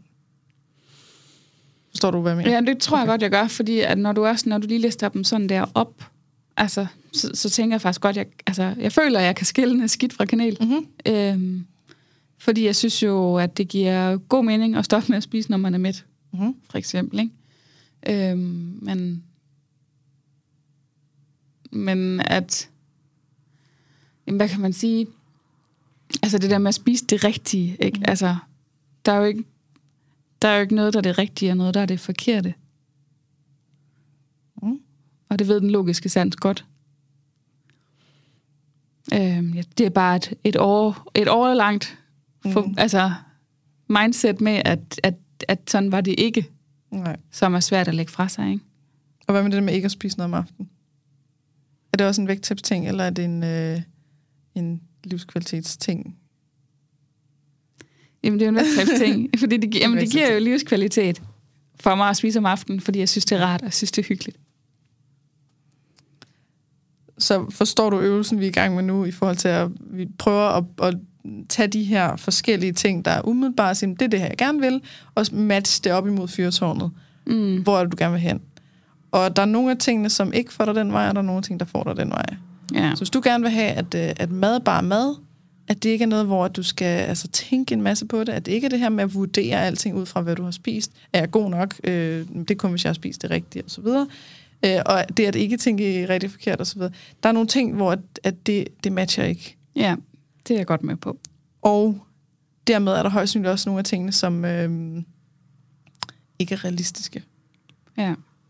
Fordi der er meget stor forskel på at have din øh, ventil om aftenen, oh, hvor du efter en, øh, du har været træt, du har ikke sovet, øh, det har været en hård putning, det har været øh, en hård dag, øh, nu kan du endelig få lov at spise noget, for det kunne du heller ikke der i eftermiddagsdagen, da du havde lyst til det, så det er udskudt. Det er, altså, der er meget stor forskel på at have den her ventil øh, i at spise chokolade og, og kunne slappe af og få den her fantastiske følelse, der kan være i det, til at ikke spise noget overhovedet. Ja. Det er to vidt forskellige ting. Mm. Og den klassiske måde vil være, at hvis jeg var en almindelig kostvejleder, så ville jeg sige til dig, okay, men skal vi så ikke aftale, at øh, du sørger for ikke at spise noget om aftenen til næste gang? Og øh, jeg får næsten lyst til at grine, ikke? Fordi Jo. det er sådan, godt, skal vi sørge for, at du fejler? Ja, yeah, ikke? Ja. Og den, den, den måde, jeg så arbejder i, det er at sige, vi skal sørge for, at de der aftener der, at de er hellige. Vi skal sørge for, at der skal være noget hver aften, der kan hjælpe dig til at ventilere og øh, slappe af og så videre. Vi skal sørge for, at det er noget af det, du allerhelst vil spise. Altså Ja. øh, du, det, du synes er allerlækrest. Og så kan vi kigge på, om der er forskellige støttehjul til maden. Så, så der eventuelt, øh, så det eventuelt kan være en mindre mængde, men at det giver det, det skal. Ja. Giver det mening? Ja. Og hvad- når jeg siger det, tænker du så, shit, hell no, øh, oh nej, øh, det kan jeg ikke, det, det vil jeg ikke. Eller tænker du, noget andet? Jamen, jeg tænker, jeg synes, det lyder rigtig fint. Øhm, og, så, og så var min tanke også, kan vide meget chokolade, som må spise? Mm-hmm. Må. Mm-hmm. ja. Ja. Men, men, men det, er- det er ikke sådan helt skudt ved siden af, øh, i forhold til noget, der måske vil være give lidt ro på. Nej, jeg tror, Nej. Det er spot on. Så nu, nu kommer det kontraintuitive. Og Ja. det er mit forslag til, at vi starter med at sige, indtil næste gang, så skal der være chokolade eller andet valgfrit, øh, gerne det, der er, giver dig allermest magi, hver evig eneste aften. Og det skal du helst ikke afvige fra. Altså, det skal, vi skal helst ikke ud i, at når man, øh, jeg må godt, men det vil være bedst, hvis jeg lå være Ja, fordi det er nok der, jeg det har går ind været. og, øh, og starter lige så meget trodsreaktion, og det, og det. Ja. det skal vi nok nå til senere. Men at sørge for, at det skal være der hver aften. Og så går vi ind og, øh, og kigger på, er der nogle, nogle steder, der kan skrues på, hvor det ikke går ind og øh, starter reaktioner? Er der noget, hvor at vi kan øh, tilføje ting frem for fjerne ting, og så videre. Vil det give mening for dig? Ja. At vi prøvede den vej?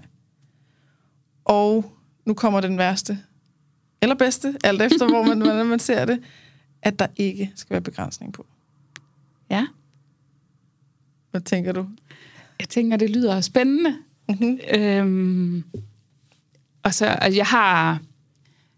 Altså, jeg har gjort lidt de indledende øvelser. Jeg tror bare, det, jeg skal have... Skal, altså, det, der ændres ved det, som jeg i forvejen gjorde, det var, at jeg har jo stadigvæk tænkt, at det ville være bedst, hvis jeg lå være. Mm-hmm. Øhm, Og vi kan lige tage den med det samme, fordi det, er- det er det, der kaldes en pseudotilladelse, eller en falsk tilladelse. Så mad, eller chokolade, eller solvand, whatever, det får magi af, at det bliver forbudt. Og det, det ved de fleste af os godt, at når noget er rigtig forbudt, så, så er det som om, at så kan vi ikke lade være. Og det er en trodsreaktion, der går i gang. Så trodsreaktionen, den kan vi, den normale måde at tænke på, at vi skal stoppe trodsreaktionen, det er ved at tage os sammen. Det er ved at få noget ryggrad, det er ved at øh, bare lade være. Ja. Og det øh, er trodsreaktionen fuldstændig ligeglad med. Ikke? Så hvis man skal ændre på en trodsreaktion, så skal man ændre det, den er en reaktion på. Mm, Altså at man fjerner forbuddet for eksempel. Øhm, det kan bare godt, det kan gøres på nogle lidt uhensigtsmæssige måder, hvor man øhm, bliver meget bange i processen, og dermed ikke tør fortsætte, og så kommer man tilbage til reglerne. ja. Så bare lige for, at, man, at det er sådan helt tydeligt, så det her med, altså hvis vi skal fjerne trodsreaktionen, altså man spiser, fordi man ikke må, så skal vi fjerne det, at man ikke må. Ja. Så vi skal sørge for at gøre det tilladt. Men der, der vil være forskellige grader her, som man kan tåle. Så nu, nu er jeg, jeg er nødt til at tegne. Ja. Sorry, men øh, jeg prøver at forklare, hvad det er, jeg tegner. Ja. Hvis man har læst bogen, så kan man måske genkende det. Men øh, inde i midten, der har vi grøn zone. Det er der, hvor at det er comfort zone, det er trygt og rart. Jeg har tegnet en cirkel. Øh, der, er- det er, altså, der sker ikke nogen forandring. Så det er ligesom på, på godt og skidt. Men det er, det er trygt. Mm. Uden på den, så tegner jeg en cirkel mere. Så er det gul zone. Det er der, hvor vi træder ud af vores comfort zone, hvor at det er, øhm, uh, det er lidt angstprovokerende, man kan godt mærke, der er noget reaktion på det, men man kan godt tåle det. Altså, man går ikke i panik af det, man, øh, man ændrer ikke sin kurs, selv, selvom det føles ubehageligt. Mm. Og så er der rød zone. Det er ligesom alt andet udenpå. Det er der, hvor det er for meget. Det er der, hvor vi har overtrådt grænsen. Vi, har, øh, vi bliver forskrækket. Vi har, vi har overgjort. Og så rører vi tilbage i grøn zone bagefter for at slække sår. Ja. Fordi puha, det var meget ubehageligt. Nu kommer vi tilbage og gør, som vi plejer. Og det er det, de fleste oplever, hvis de har et nytårsforsæt for eksempel. Så øh, siger man, nej, øh, nu skal jeg bare lige ændre alt i hele verden. Jeg skal spise masser af grøntsager, ikke noget sukker, og øh, ikke ryge, og ikke drikke, og det ene og det andet. Ja. Og det er ofte rød zone. Det er alt for voldsomt. Og dermed har man en reaktion på det efter noget tid. Så rører man tilbage i grøn zone. Så gør man præcis det, man plejer. De gamle vaner, som ja. Man vil kalde det. Ikke? Og hvis vi skal øh, arbejde med at ændre noget, så skal vi sørge for, at det ligger inden for den gule zone. Det er altså den, der ligger mellem grøn og rød her. Ja. Den gule zone, hvis man går derud, så vil der være noget reaktion, men den reaktion, den vil ebbe ud.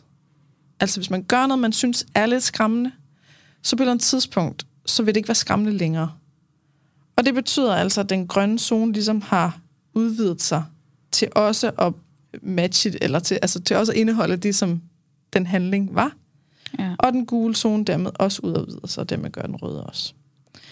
Så vi skal kunne skelne mellem de her ting, og det er det, der ligesom er øh, problemet i, altså hvis, hvis vi går ud i gul zone, så udvider den grønne zone, så, så er der mere, der er trygt, og så kan vi pludselig tage et skridt mere, hvor det stadig kun er gul. Hvis vi går i rød zone, så går det den anden vej, så bliver der mindre, der er trygt, og så bliver forskrækket. Og har mindre mod på at gøre det igen. Ja. Og hvis man nu hører om sådan noget her, slut med forbudt, eller, øh, nå, men, nå, grund til at jeg spiser det, det er fordi, at jeg øh, har gjort det forbudt, så jeg skal bare tillade det. Så kan man godt komme til at gå ud i rød zone, ved at man siger, okay, jamen nu tillader vi bare det hele, og så ser vi, hvad der sker. Og for nogen, altså for mig selv var det metoden, det var, det var det eneste, der virkede. Det var at gå helt ud i at æde alt, hvad jeg overhovedet kunne komme i nærheden af. Og det var enormt voldsomt, men jeg kunne godt tåle det. Ja. Øh, så det var ikke rød zone for mig, det var gul zone.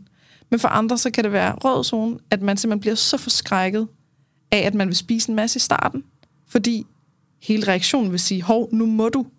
Det er Ja. bare lige, du ved, lige om lidt bliver det forbudt igen, så du skal æde med skynde dig at spise alt, hvad du overhovedet kan, inden det bliver forbudt. Ja.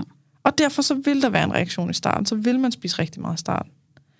Spørgsmålet er, om det er rød eller gul zone. For hvis det er rød, så går man tilbage til at gøre det forbudt, og så har man ikke fået andet med sig, end at man har taget nogle kilo på, og at man øh, ikke er tættere på at have et afslappet forhold til slik og sukker, Ja. chokolade osv. Ikke? Jamen, fordi jeg tror nemlig, at, at den der proces, den har jeg været lidt i, mm. og så har jeg faktisk kunne mærke, at mine bukser er begyndt at stramme lidt mere. Mm. Og i det bukserne begyndte at stramme, der blev det i hvert fald rød zone, fordi det synes jeg, det var enormt ubehageligt. Ja. Øh, og det var enormt utrygt. Fordi at jeg i forvejen er ked af, hvordan jeg ser ud. Mm. Og jeg havde ikke sådan lige behov for, at det behøvede at blive værre. Nej. Øhm, Og så går man tilbage til det, man kender. ja.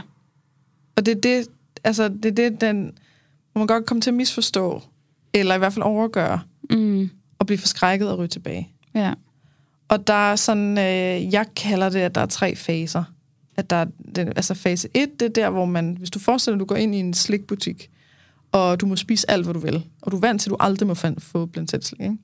så går du derind, når hvis du må spise alt, hvad du vil, så vil du starte med at tage det første det bedste. Du vil spise hurtigt, du vil spise øh, meget, du vil slet ikke smage på slikket, for det handler bare om at få så meget ind som overhovedet muligt her i starten.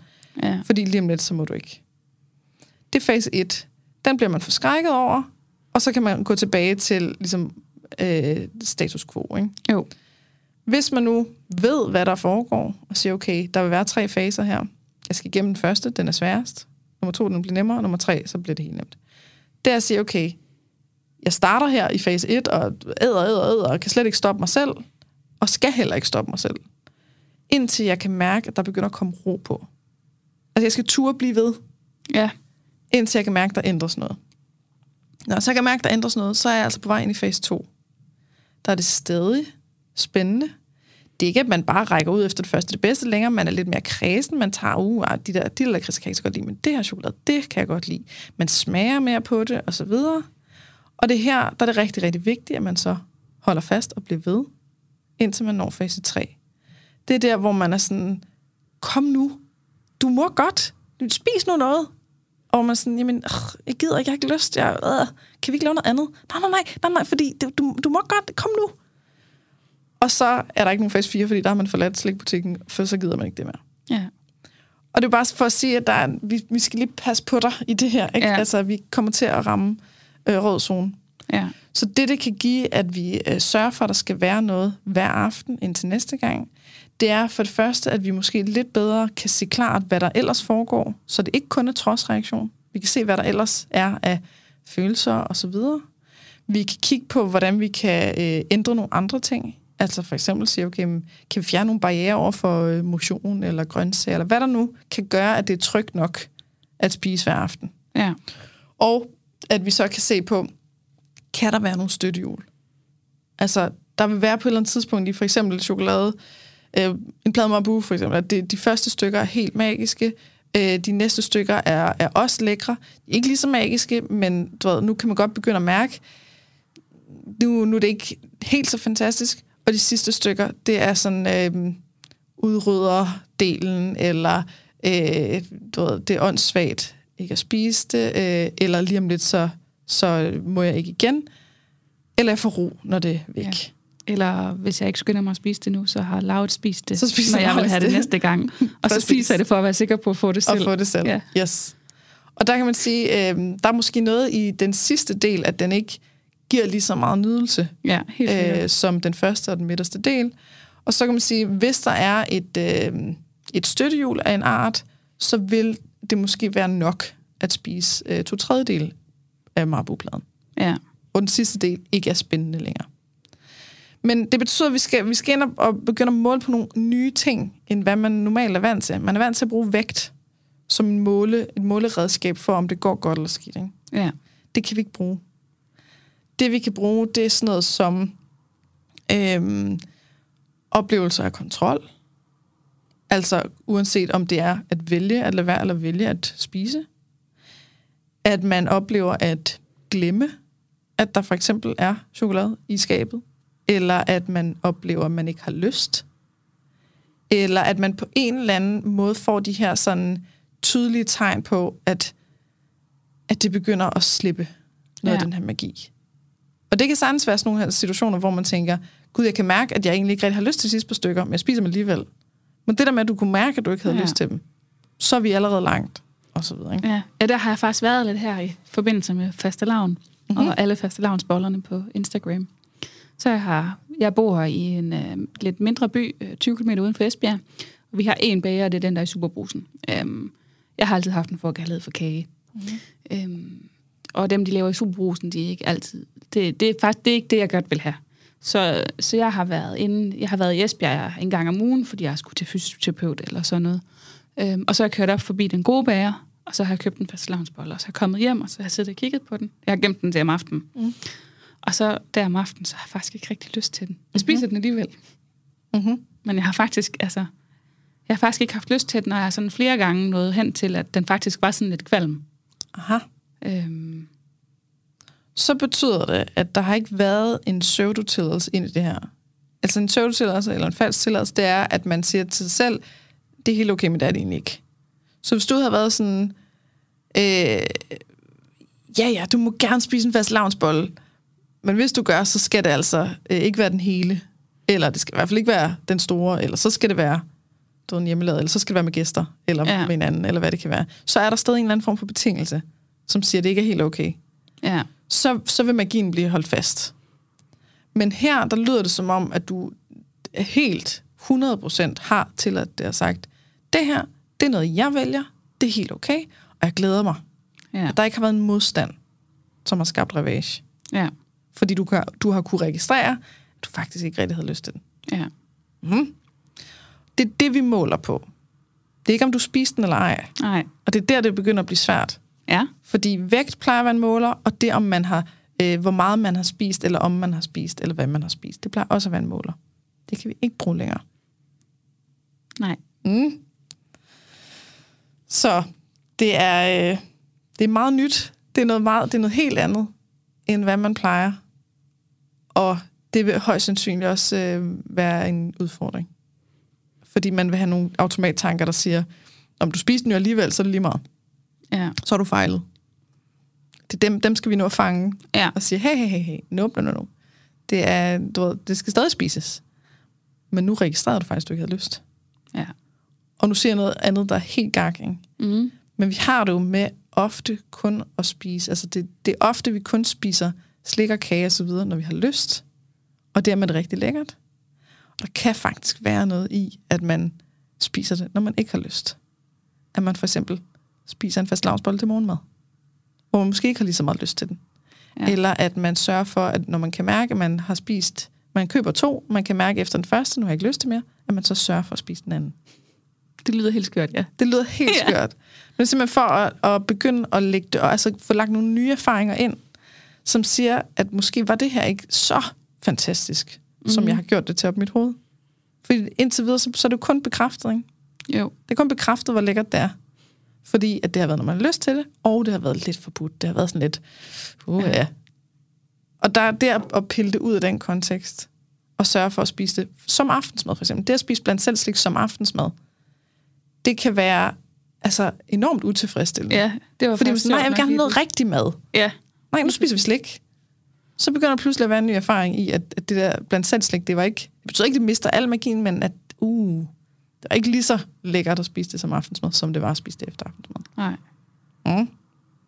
Så det er bare lige før, nu kaster lige en. Ja. hel masse på dig, og øh, det her det har overhovedet ikke mindet om en første session øh, whatsoever, men øh, det er sådan her, det er blevet. Og der vil jeg foreslå, at vi, øh, at vi sørger for, at der er noget alle de her aftener, at vi kigger på, er der noget, vi kan skrue på, for at det bliver gul zone, og er der noget, vi kan tilføje også i forhold til, at det bliver gul zone. Ja. Mm. Mm. Giver det nogenlunde mening? Ja, det synes jeg. Og det er en, du har en god fornemmelse, og Ja. sådan. Du, du ser sådan ud i hvert fald. Jamen, det har jeg også. Jeg sidder og aflæser sådan noget. Ja, Så hvis man sidder sådan, ja, det, jo, det kan vi godt. Så ved jeg, at vi ikke har ramt den. ja Men nej, det- det... fordi det er faktisk rigtig sjovt. Øh, da jeg, var, jeg var til fysioterapeut i torsdags, Mhm. Og øh, der er sådan en café inde i Esbjerg, jeg har fulgt på Facebook længe, og de laver bare sådan nogle donuts, der ser helt vilde ud. Mm. Og så havde jeg besluttet, at jeg skulle ned og købe en. Og så stod jeg dernede og kiggede ned i monitoren, og så kunne jeg ikke beslutte mig, og så købte jeg to. Mm-hmm. Og så, da det blev aften, og jeg skulle have dem, så startede jeg med at tage en halv af hver. Og så var de faktisk ikke særlig lækre. Mm-hmm. De var i hvert fald ikke så lækre, som de havde set ud. Nice. Så, så jeg var egentlig klar til at stoppe efter de to halve, og siger, tilbyder så min mand der, som jeg til, ellers til at starte med har sagt, jeg har købt to, og de er kun til mig. Mhm. Mm-hmm. så siger jeg, du må, du må faktisk godt, hvis du vil have dem, så må du godt spise dem. Mhm. Mm-hmm. Og så lod han dem stå, og så spiste jeg alligevel en halv mere. Mm. Og jeg har overhovedet ikke lyst til donuts nu. Nej. Nej. Så der, vi starter ikke helt from scratch Nej. med dig. Du er, der er en masse erfaringer, vi allerede kan bygge ovenpå. Fedt. Ja, Det betyder, at vi højst sandsynligt kan nå langt. Det Det de her fem sessioner. ja. Yes. Okay, så nu øh, skriver jeg ned. Ja. Og så er det den her, øh, det her øh, dokument jeg sender til dig. Og jeg skriver det som øh, sådan en 1, 2, 3, alt efter hvor langt vi når. Så den første skriver jeg her. Øh, hvad, hvad, hvad, vil du, hvad vil være det allerlækreste at få om aftenen? Hvad giver allermest dulmen og allermest glæde og lettelse? Og, ah. Vi tænker ikke på bagefter, vi tænker kun Mm-mm. i øjeblikket. Mm, jamen det er jo det der med lige at vælge, hvad der sådan er det aller ypperste. Det er chokolade. Mm-hmm. Og hvor meget chokolade tror du, at du vil kunne spise om aftenen, hvis, hvis nu vi ikke ændrer på noget som helst andet? Hvornår tror du, at din, din panik vil gå i gang? Så hvor meget tror du, du ville kunne tåle, at, øh, altså sådan mentalt, hvor meget ville du kunne klare at spise hver aften? Før jeg går i panik. Mm-hmm. Fire rækker. Mm-hmm. Okay. Så, så det vil være der er en række. Fire stykker. Så det er vel 16, 16 stykker. Og svarer det til en, en plade? Eller Jeg tror, det svarer til, til lidt under en halv. Det er en halv plade? Ja. Okay. Og det, er det nogle bestemte ting, du tænker på? Med Mabu. Det er Mabu. Ja. Okay. Jeg tror, øh, ja, med riddersport, der vil jeg begynde at få dårlig samvittighed efter omkring en halv plade. Okay.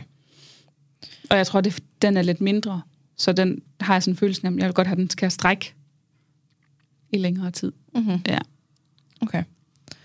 Så, Så- vi, jeg tror, vi er på omkring sådan 50 gram. Okay. Det, det er der panikken, den sådan begynder. Det er der panikken begynder. Ja. Okay, så nu skal vi se, om vi kan få trukket den mængde lidt op. Øh, hvad, altså, vi, vi skal se, om vi kan få nogle ting til at øh, gøre det til gul zone, at spise noget mere end 50 gram. Giver det mening, Ja. hvorfor vi gør det her? Ja, jamen det gør det. Okay. Det giver faktisk rigtig god mening. Det handler om, at vi skal have så meget ro på den her aften som overhovedet muligt. Vi skal fjerne alt, hvad der hedder både altså begrænsninger og øh, forbud, og alt, hvad der kan gøre det trods reaktion, for at vi kan se meget mere tydeligt, hvad der så er tilbage. Ja. Mm. Fordi Mm. hvis der er for mange forskellige ting, så kan vi, så kan vi ikke arbejde med det. Så, så er det utydeligt, ikke? Så er der nogle ting, som vi vil kunne øh, skrue på? Altså, hvis du nu har spist mere frugt og grønt i løbet af dagen, vil du så ture og spise noget mere?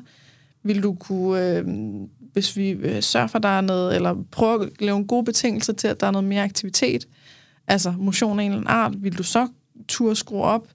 Øh, er der noget i, at du, ved, at du generelt spiser morgenmad uden at have lyst til det, og hvis vi så tager den væk, så kan du meget bedre tænke i, at aftensmaden bare deler op i to. Så er der almindelig aftensmad, og så er der dessert aftensmad, eller Ja. altså, hvad kan vi skrue på her? Jeg tror helt sikkert, det vil være noget med noget motion. Mm-hmm. Og er der noget, der ligger lige til højre benet der? Mm. Eller nogle lavt hængende frugter, eller hvad man nu skal kalde det? Jamen, altså, jeg kan faktisk godt lide at gå ture. Jeg Mhm. bor tæt på skoven. Mm. Øhm, men man sidder også lidt fast i, og det der er jo ikke noget i vejen med, at jeg gider kun at være det godt. Mm-hmm. Øhm, eller at tage ud og ride. Mm. Jeg har mulighed for at låne en hest. Mm-hmm. Så Men- ridning, Ja. Jeg kan godt sidde lidt fast i, at du ved, at ridning, altså fordi det er jo bare sådan noget, det, det, det er ikke sportsridning, vel, det er hyggeridning. Og så kan jeg godt sådan tænke, jamen det er jo ikke, det er jo ikke rigtig motion. Okay. det tæller jo ikke, fordi at, så hårdt er det heller ikke. men er du så sikker på, at det vil kunne øh, give dig mere tryghed i forhold til at spise mere? Nej, det vil det hvis nok det er sådan en, det Nej. tæller ikke helt agtigt. Nej, det er du nok ret i. Okay. Så hvad for nogle ting vil, øh, vil ændre på, altså hvor meget du turde spise om aftenen af chokoladen? Er der nogle bestemte motionsting, der vil gøre det? Jamen, øh, altså, enten en, en god gedigen gåtur, eller noget med noget løb. Mhm. Øh, jeg har ikke løbet i noget tid, øh, og jeg kan, jeg kan godt lide at løbe, når jeg er i form til det, og så kan jeg ikke så godt lide at løbe, når jeg ikke er i form til det. Okay. Men jeg kunne egentlig godt tænke mig at komme i form til det. Også for at få, det har været vildt lækkert i forhold til at lige at få en pause hjemmefra øh, med små børn og sådan noget. Mm. Øhm, Okay. så, så det tror jeg, det kunne godt. Så det er noget, der er, det er ikke lystbetonet i starten, Nej, men det bliver det. Okay. Og så er det det der med, at du ved, så skal man til at skifte tøj, og, og så tror jeg faktisk næsten, at noget af det værste, det er, at så skal man i bad bagefter. Okay. Øhm, jeg har både, du ved, barrieren i forhold til at skifte over i løbetøjet, men også at altså det ender med, jeg synes, det ender med at tage lang tid, for så man både skifte tøj, så skal man ud og løbe, og så skal man også i bad. Mm-hmm. Øhm, jeg kan bedst lige gå i bad om morgenen, okay. Fordi jeg kan ikke lige gå i bad med, eller gå i Og seng med hvad med de her raske gåture? Er det, er det, er det samme med bad? Og, altså, Nej, det synes jeg ikke. okay. Altså, fordi hvis vi, skal, hvis vi skal gøre det her, så skal det helst ikke være noget, hvor vi også skal kæmpe en masse for at øh, lave noget, der gør noget andet trygt. Nej, Altså, fordi så, så kan det godt i sig selv blive en for stor byrde. ja. Så det kunne godt være, at vi skulle sætte altså, gåturene på, som, Ja, det tror jeg. at det er, fordi de, de lyder til at være mere til højbenet. Ja, Og så er det bare kun på de dage, hvor det er godt vejr. ja. Øhm, så jeg skriver her, chokolade hver aften. Spis chokolade hver aften. Mængde inden for gul zone. Giver det mening? Ja. Så det er altså, øh, jeg vil sige, det- generelt så er det rigtig svært at stoppe midt i en plade, eller altså, så, det, så kan man godt hjælpe sig selv ved, at det skal være en, en afsluttet del. Altså, så hvis det er Ja. riddersporten, så skal det være hele riddersporten, eller hvis Ja. det er pladen med Marbu, at man så vælger en mindre, eller man vælger den store, eller du ved, at man kun blander det selv, altså blander det selv slik. Blander selv det slik, som man skal spise den aften. Så Ja. der er ikke noget, man skal gemme, eller sådan. Ja. Så har man ekstra ting at kæmpe med. Ja. Så er, kan der være noget i det, at det er sådan en, at der er noget, altså en pakke af noget? Tror du, vi vil kunne komme op på det? Jeg ville godt nok have det stramt hvis jeg skulle spise en hel pakke riddersport hver dag. Okay, Fordi altså, ved, så går kalorielommeregneren i gang. den går i gang. Ja. Øhm, og jeg ved godt, hvad det, hvad det koster. Mm-hmm. Øh, Er der noget andet? Noget andet, hvor det kan være hele pakken, hvor det ikke går lige så meget i gang? Altså findes der øh, mini-riddersport, eller jamen, det gør der jo. findes der øh, andet? Jamen, der findes jo de små der. Mhm. Mm-hmm. Øhm, og, ja, hvor mange vil du så skulle til af dem? Det er som om, det er lidt svært at regne på, fordi de er små. Mm-hmm. Altså, fordi jeg sidder også og tænker, "Ah, en, det vil i hvert fald, det vil ikke kunne gøre det. Okay. Øhm, Hvad siger du til, hvis vi, hvis vi lægger den her op til dig selv, altså siger, okay, men der skal, det, det, der er vigtigst, det er, at der bare er en eller anden form for chokolade, eller andet lækkert. Og Ja. andet lækkert betyder ikke æbler. nej, Altså, så en eller anden form for chokolade, eller andet lækkert hver aften. Og mængden, at den, øh, den forsøger du at, at arbejde med, i forhold til, hvor meget er du tryg ved. ja, Der kan være det her i, at du, jeg er kun tryg ved en halv plade, men så spiser jeg en hel. Og det starter så en masse reaktioner. Så at man lige tænker i, jamen, mm, hvad, hvad har den største... Altså, det, det vil være pest eller sådan, ikke? Jo. Øh, Der er konsekvenser ved begge dele. ja, Men at vi, vi lader dig om øh, mængden, Og så er vi prøver at, øh, at lægge nogle gåture ind, som kan hjælpe til, at der er mere tryghed i at spise. Om det hele øh, pladen øh, med riddersport, eller om det er øh, tre stykker mini-riddersport, eller tre, øh, Ja. øh, hvad det nu end kan være. Ja. At vi ikke laver den så specifik. Ja. Jeg ved godt, det, det, det, så bliver den svær. Men øh, Jamen, jeg tror det, godt, den, kan. det er altid svært med sådan en Ja. med mængder. Mm. Jamen, vi skal jeg tror heller ikke have en ny restriktion, som du så reagerer på. Ikke? Nej, nej, og jeg tror også, altså jeg synes faktisk, det, jeg, har, jeg har aldrig grebet det sådan an før. Mm. Altså jeg har altid tænkt, det har galt, det, du ved, så har jeg haft lyst til noget, og så i stedet for at tænke, at man skal spise lidt mere, end det jeg har lyst til, så har jeg altid tænkt, at jeg skal spise lidt, Lidt mindre. mindre, ja. Ja. Øhm, Og det er helt bevidst, vi går den anden vej. ja, og, og det giver virkelig, virkelig god mening. Mm. Også fordi nu havde jeg den der donutsoplevelse i sidste uge, ikke? Altså, Mhm. mm-hmm. hvor jeg spiste lidt mere, end jeg faktisk havde lyst til, og nu har jeg overhovedet ikke lyst til det mere. Nej. Øhm, Og det, det, det, det, det er en måler, vi kan. Ja. bruge til noget, da du rent faktisk ikke har lyst til donuts. ja, Fordi så er der ikke nogen kamp i ikke at spise donuts. overhovedet ikke. Frem for hvis du har lyst, så er der en kamp, og den taber man som regel. ikke? Ja. Så jeg spiser, skriver, øh, spiser chokolade hver aften, mængde inden for gul zone. Ja. Og så leger du selv videre med den del. Yes. Og så øh, skal jeg bare have fokus på de her gåture. Altså om det så er noget planlægning, eller om det er, altså hvad, hvad end der kan gøre det nemmere. Øhm, og det kan være, at så er der sådan nogle gråzoner med, at det er ikke helt vildt godt vejr, men det er, sådan, det er heller ikke helt dårligt. Mm. At så se, man, at det så stadig er okay at gå. Ja. Øh, og er der noget i forhold til børnene, og er der noget i forhold til, I don't know, øh, podcast eller lydbog, eller whatever. Ja. Sådan bare fokus på det og se, hvor tæt kan vi komme på, at du har de her gåture, som kan hjælpe til de her aftener, i at der skal være mere Ja. ro. Mm? Mm. Så fokus på gåture.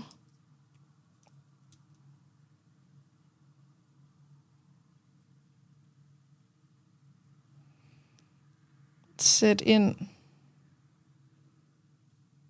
hvor du kan i forhold til at gøre gåture nemme.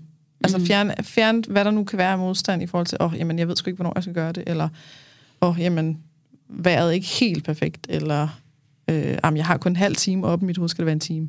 Ja. Jamen, så, du ved, ændre den regel til, at det går med en halv time, og så Ja. videre, ikke?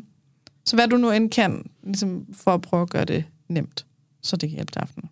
Ja. Mm. Og så øh, foreslår vi også lige har en sidste. Jeg ved godt, det nu kaster rigtig meget på dig, du må sige til, hvis det er for meget Ja. men at du har øhm, noget opmærksomhed med om aftenen i forhold til, er der nogle flere ting, som, øh, som jeg egentlig godt gad at have her om aftenen?